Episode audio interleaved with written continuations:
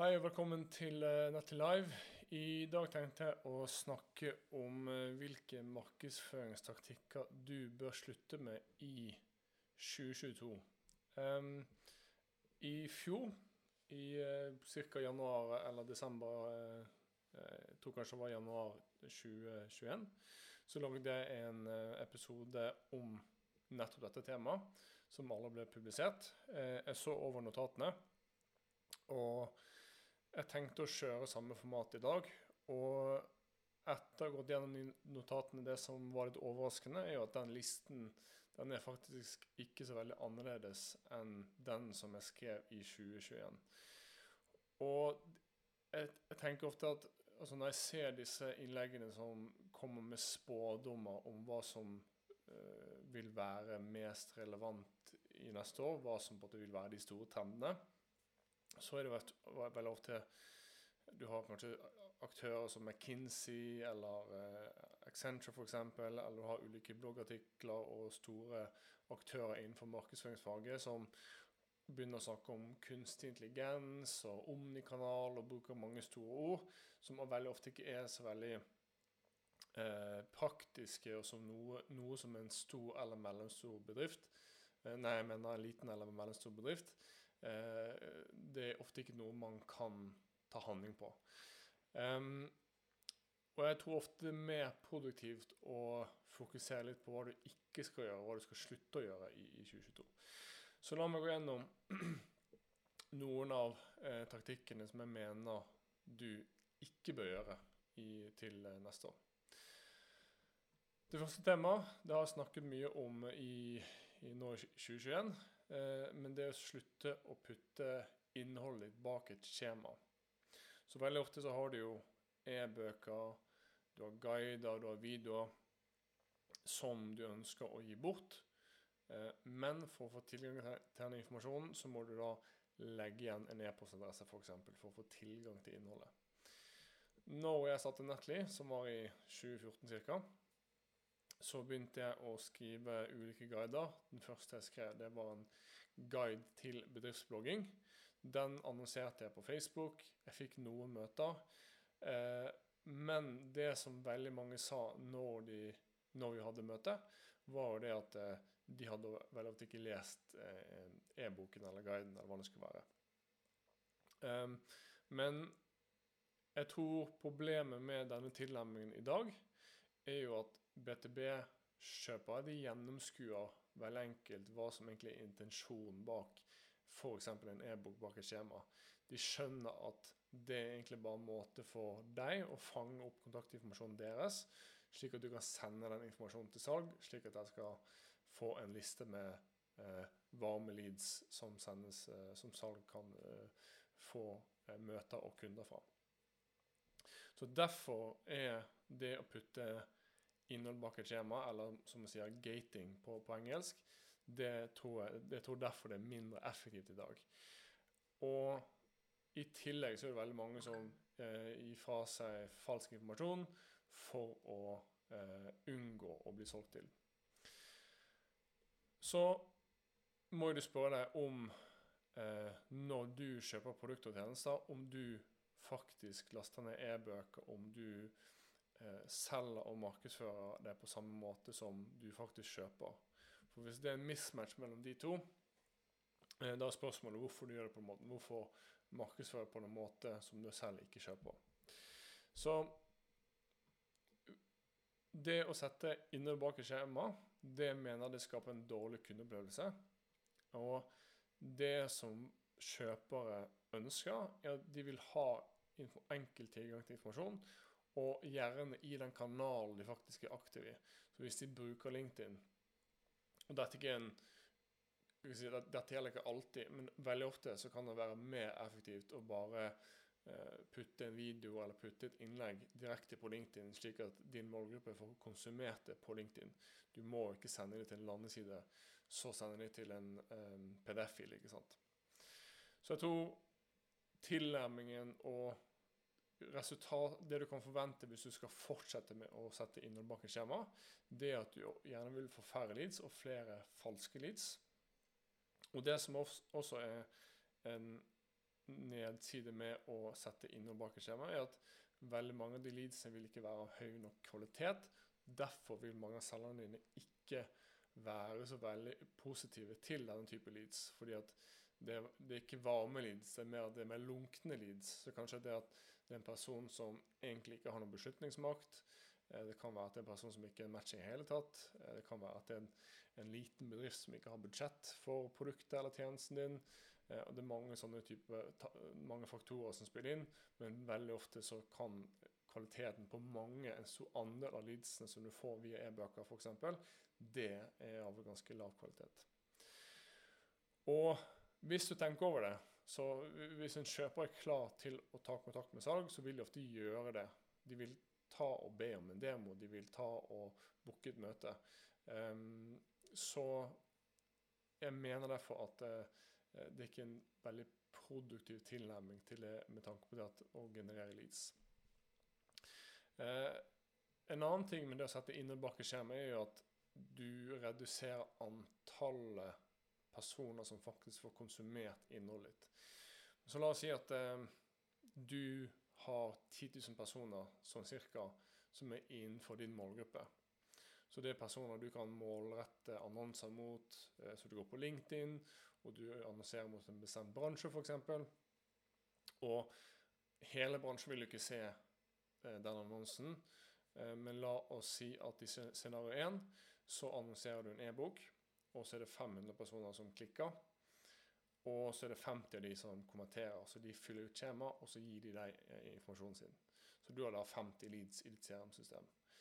Eller så gjør du den e-boken om til en eh, guide, altså du gjør det om til en, en, side på nettsiden din, eller en artikkel på bloggen din, som folk kan bare lese uten å gi fra sin kontaktinformasjon. Da vil du ha 500 personer som faktisk konsumerer, og kanskje ikke alle av de 500 konsumerer alt, men la oss si at Eh, det er 250 eller 300 av de som leser hele eh, guiden eller artikkelen, så er det veldig mange flere som har faktisk konsumert informasjon som du har ønsket å formidle. Um, og det er derfor med andre ord et frafall ofte når du prøver å kommentere målgruppen din til leads.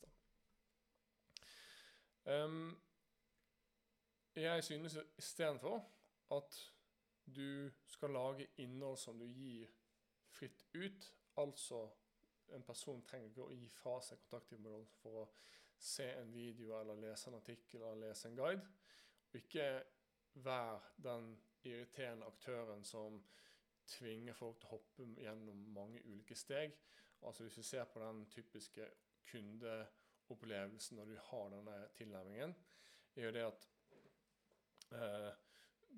du, du, tar de, du tar de fra f.eks. LinkedIn eller Google, og så skal de til en landeside, og så må de gjerne legge inn e-postadressen sin, og så må de åpne e-post, eh, altså Gmail eller Outlook, for å få tilgang, for å få lenke til den PDF-filen.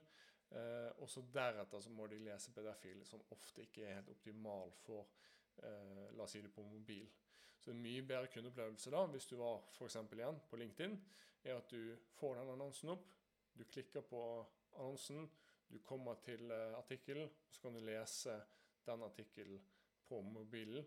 Og den, den nettsiden er så klart uh, tilpasset mobil, så brukeropplevelsen er tilpasset den enheten du faktisk bruker eller konsumerer innholdet på. Det mener jeg er en mer enklere og mer effektiv tilnærming til, til å faktisk generere leads. Så hvis du bare promoterer riktig innhold til riktig målgruppe, som er enklere enn noensinne med f.eks. LinkedIn og andre annonsekanaler, så det er veldig enkelt å målrette det mot kun de selskapene og individene du ønsker å nå. Så gjennom 2020 og 2021 så har jeg sakte, men sikkert begynt å fjerne og konvertere e-bøker og den type ting til eh, innhold som kanskje heller er guider eller artikler og den type ting. Og resultatene har vært at det totale volumet av leads har gått ned for, for kunder. Men leadsene som man faktisk får inn, det er konkrete leads som ber, som ber med demo, som ber med tilbud, som ønsker å snakke med salg. Og da kan vi faktisk betale mer per lead. eh, med tanke på f.eks. Google Ads.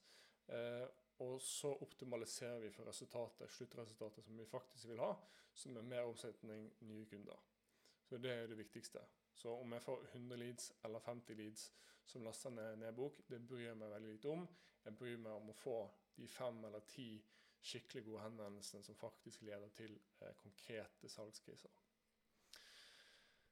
Det neste punktet er webinar for leadsgenerering.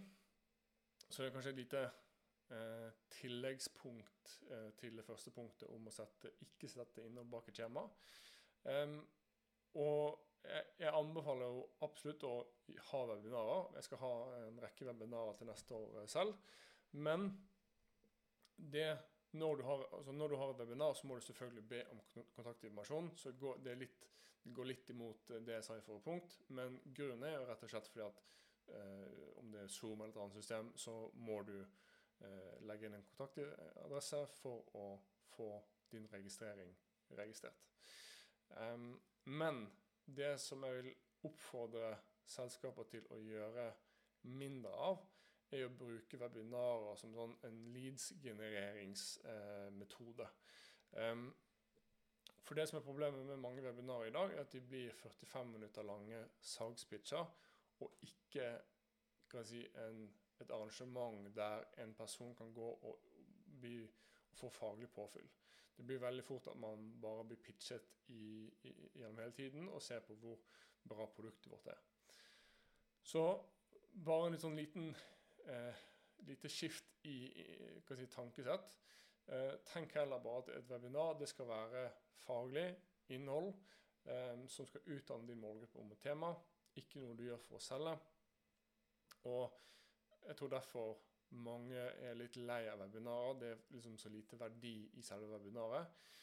Og det som du kan gjøre istedenfor, istedenfor å sende 100-200 eh, påmeldte til salg, eh, der kanskje de fleste de faktisk ikke er interessert i å snakke med selger helt ennå.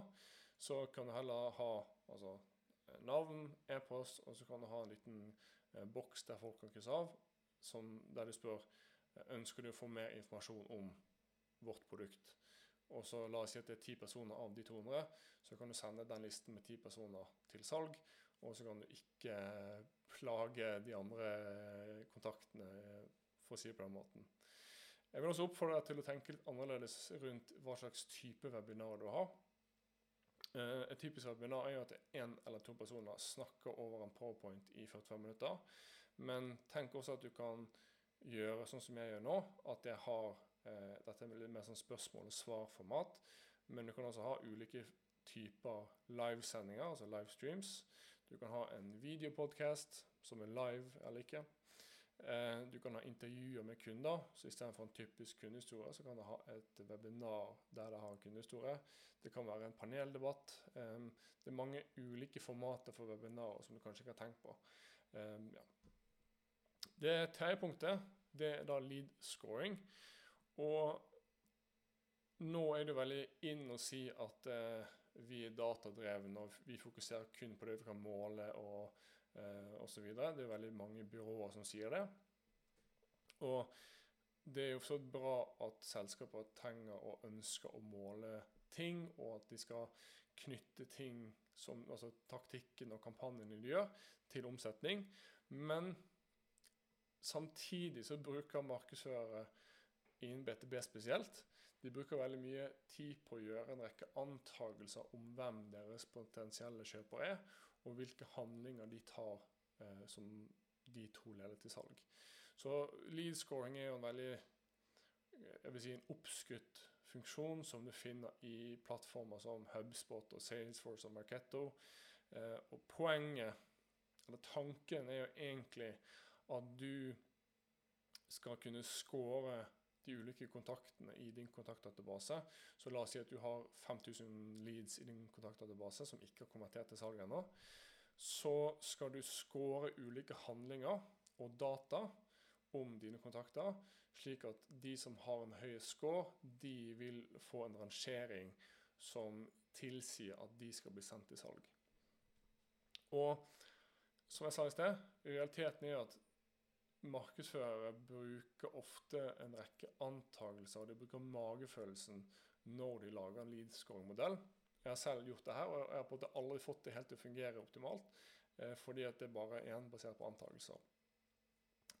Så det markedsførere gjør, de bruker to typer data. Det ene er si, eh, implisitte data, som det heter så fint. Det vil si sidevisninger. Så hvis en person eh, har besøkt prissiden eller produktsiden eller en kundehistorie eller bloggartikler og sånt, den type ting, så er det implisitte data. Så det er sånn atferdsdata. Og så har du eksplisitt data, som er mer eh, hvis du fyller ut et skjema, og så kan du velge eh, I det skjemaet så kan du spesifisere omsetningen selskapet har, hvilken tittel du har og den type ting. Så er det informasjon du gir til en aktør gjennom eh, du, du, samtykker til å gi informasjon til en aktør. Eh, og så kan den aktøren da si at ok, daglige ledere de skal få ti poeng, og en eh, student skal få null poeng, eller minus fem poeng. Og Det leder meg til neste poeng. Eh, og det er at når du gir disse summene, som igjen daglig leder eller CFO, de får ti poeng. Eh, hvis de har fulgt ut et skjema, så er det syv. Hvis de har besøkt eh, prissiden, så er det fem. Men eh, hva er det som bestemmer disse summene? Det, det er ikke noe standard rundt eh, noen, Det er ikke noe beste praksis for lead scoring. Det er bare noe som markedsfører finner på eh, nærmest. Eh, og det er nærmest tilfeldig.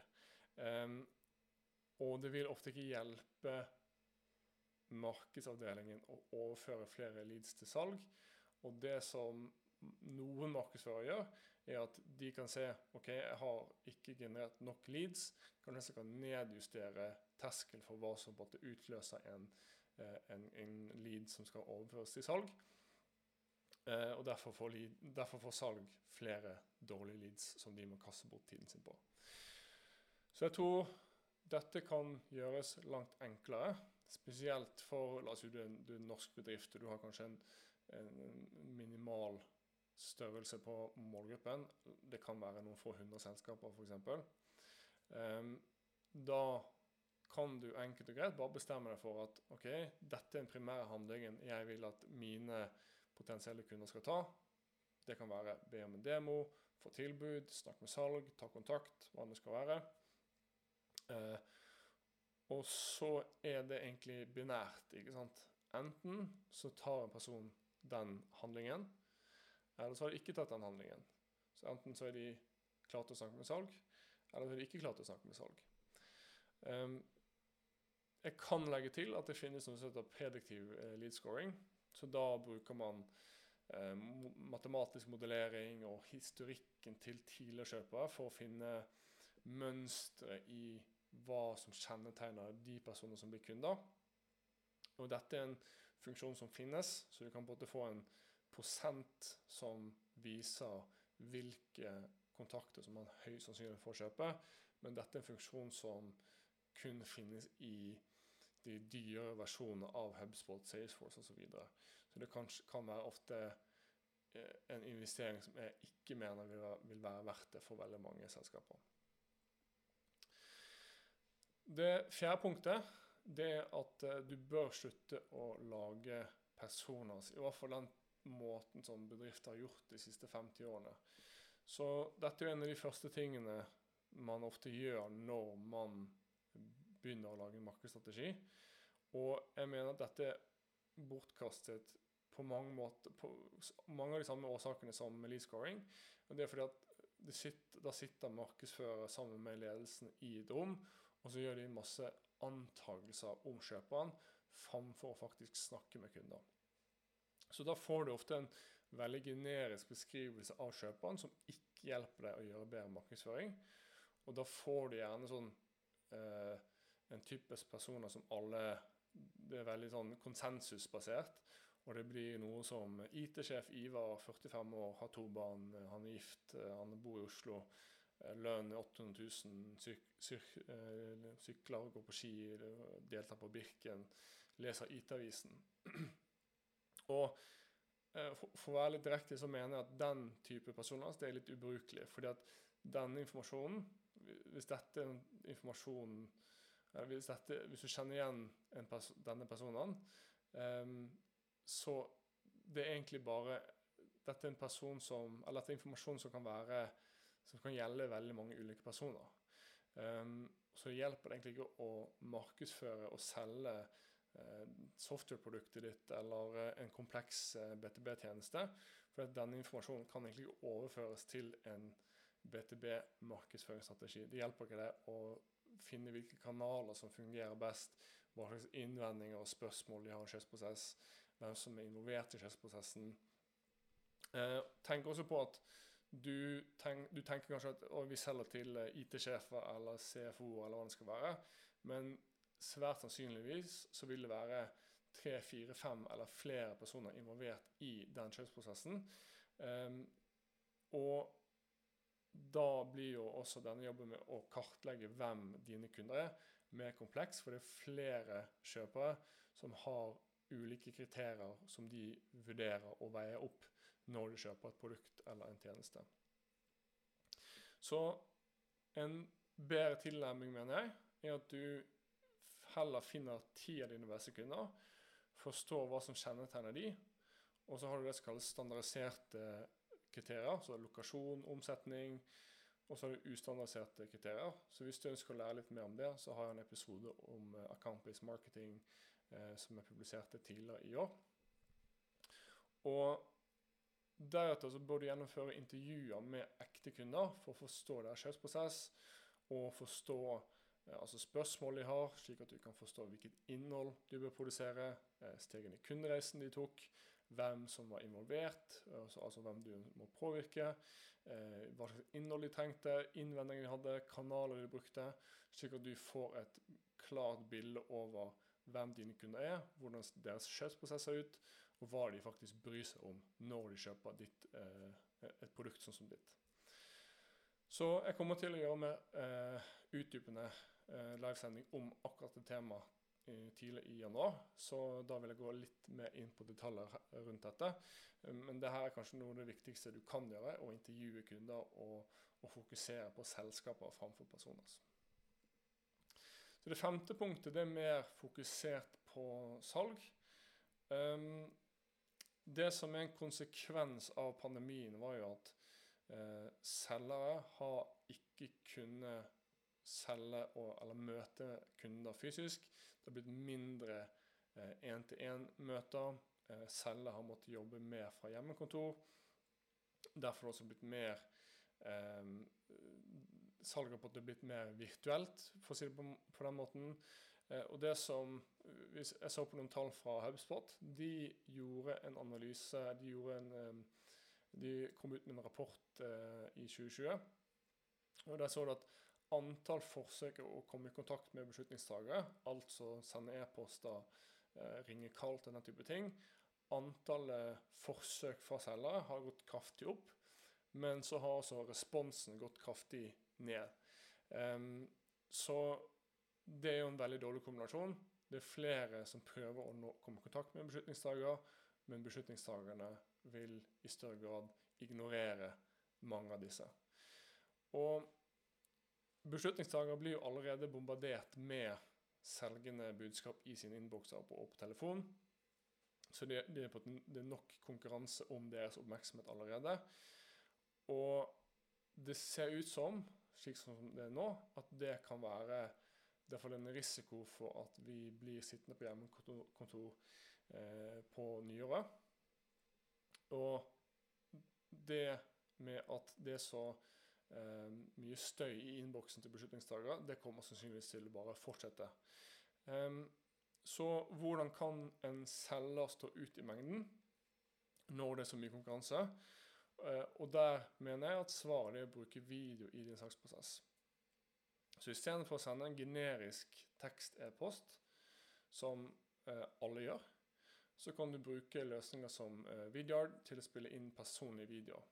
Så du kan ikke møte en person fysisk eh, inntil videre, men du kan sende en personlig video som er eh, personalisert til den personen. Det er mer eh, humant, for å si det på den måten. Um, og det er en fin måte å eh, stå ut innboksen. Um, så hvis du bruker videoer, så kan du på en måte erstatte en lang blokk med tekst med en kort intro, og så har du et, en sånn kort, liten thumbnail som sender deg til videoen, som du kan da eh, sende til en beslutningstaker. Veldig enkelt å lage. Så det, det jeg ville gjort, eh, istedenfor bare å sende flere e-poster til flere prospects, så ville jeg brukt litt tid til å først installere Vidyard. Um, og da installere det på Chrome, eller du, kan installere det på, på din desktop. Du kan spille inn en kort video, 60-90 sekunder, bare veldig kort. Hvorfor du tar kontakt, eh, og sørge for å personalisere budskapet, og hvordan du kan hjelpe. Eh, I emnefeltet så kan du skrive inn fornavnet og så en kort video til deg i emnefeltet. Altså. Så Torstein, kort video til deg. Eh, og jeg lover at du kommer til å få mer respons på dine forsøk på å komme i kontakt med beslutningstagere. Så det HubSpot og Vidyard fant ut, er at en video kan få fem ganger så høy, eh, mye respons sammen sammenlignet med en generisk tekst-e-post. Uh, Vidyard er gratis. Eh, det er helt gratis å begynne, så det er en veldig eh, god eh, tilnærming og en god erstatning til å kun ringe kaldt når du skal selge dine produkter og tjenester. Jeg kan også legge til at den 26.1 så kommer jeg til å ha et webinar med Vidyard. Så da skal jeg gå inn mer i detalj på video for markedsføring og video for salg. Uh, så se opp for mer informasjon om det. Det siste punktet er at uh, du bør ikke kun fokusere på blogging. så det virker for meg som at veldig mange bedrifter innen altså in, in BTB de har en innholdsstrategi. Så det er flere og flere som produserer innhold. Men den innholdsstrategien er veldig standard. Altså det er én artikkel i uken, og det er én e-bok i kvartalet. Eh, men hvis du gjør som alle andre, så vil det være mange som konkurrerer i samme kanal. Så gjerne Google i dette, eh, dette tilfellet. Eh, og det kan bli vanskeligere å stå ut i mengden. Det kan, være vanskeligere å lage innhold som står ut, og som er unikt.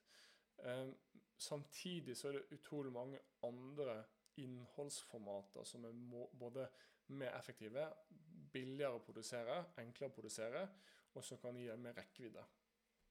Så, så klart, du skal, kan godt fortsette å lage bloggartikler, det er ikke noe galt med det. Men tenk heller, kanskje du kan lage en YouTube-kanal, eh, lage en podcast, lage en videopodcast, eh, kanskje du kan ha en ukentlig livesending sånn som her. Eh, eller du kan få med deg noen kollegaer til å skrive innlegg på LinkedIn. Eller en kombinasjon av disse. Men, eh, men, det finnes så mange muligheter som bedrifter ikke tar i bruk, der det er fortsatt veldig få som det, er lite konkurranse i noen av de kanalene som jeg nettopp nevnte. Så det kan være en stor, eh, stor eh, mulighet for norske bedrifter. Så for å avslutte um, Dessverre, som jeg sa innledningsvis, så er listen ganske lik som i 2021. Uh, og jeg tror 90 eller mer vil ikke endre seg. De vil fortsette å markedsføre og selge på samme måte. Um, men du kan også se, på det som at det er et konkurransefortrinn du kan ta. Du kan tørre å tenke litt uh, nytt og gi slipp på taktikker som ikke er så effektive lenger. Um, så tenk, tør å tenke nytt, og det, tror jeg kan gi deg uh, veldig gode resultater i 2022. Så med det, takk for at du hørte på eller så på. Eh, dette blir den siste episoden av Nettnytt live eh, i år. Eh, så tusen takk til alle som har hørt på hittil i år eller sett på. Og så ønsker jeg deg god jul, og så høres vi til neste år.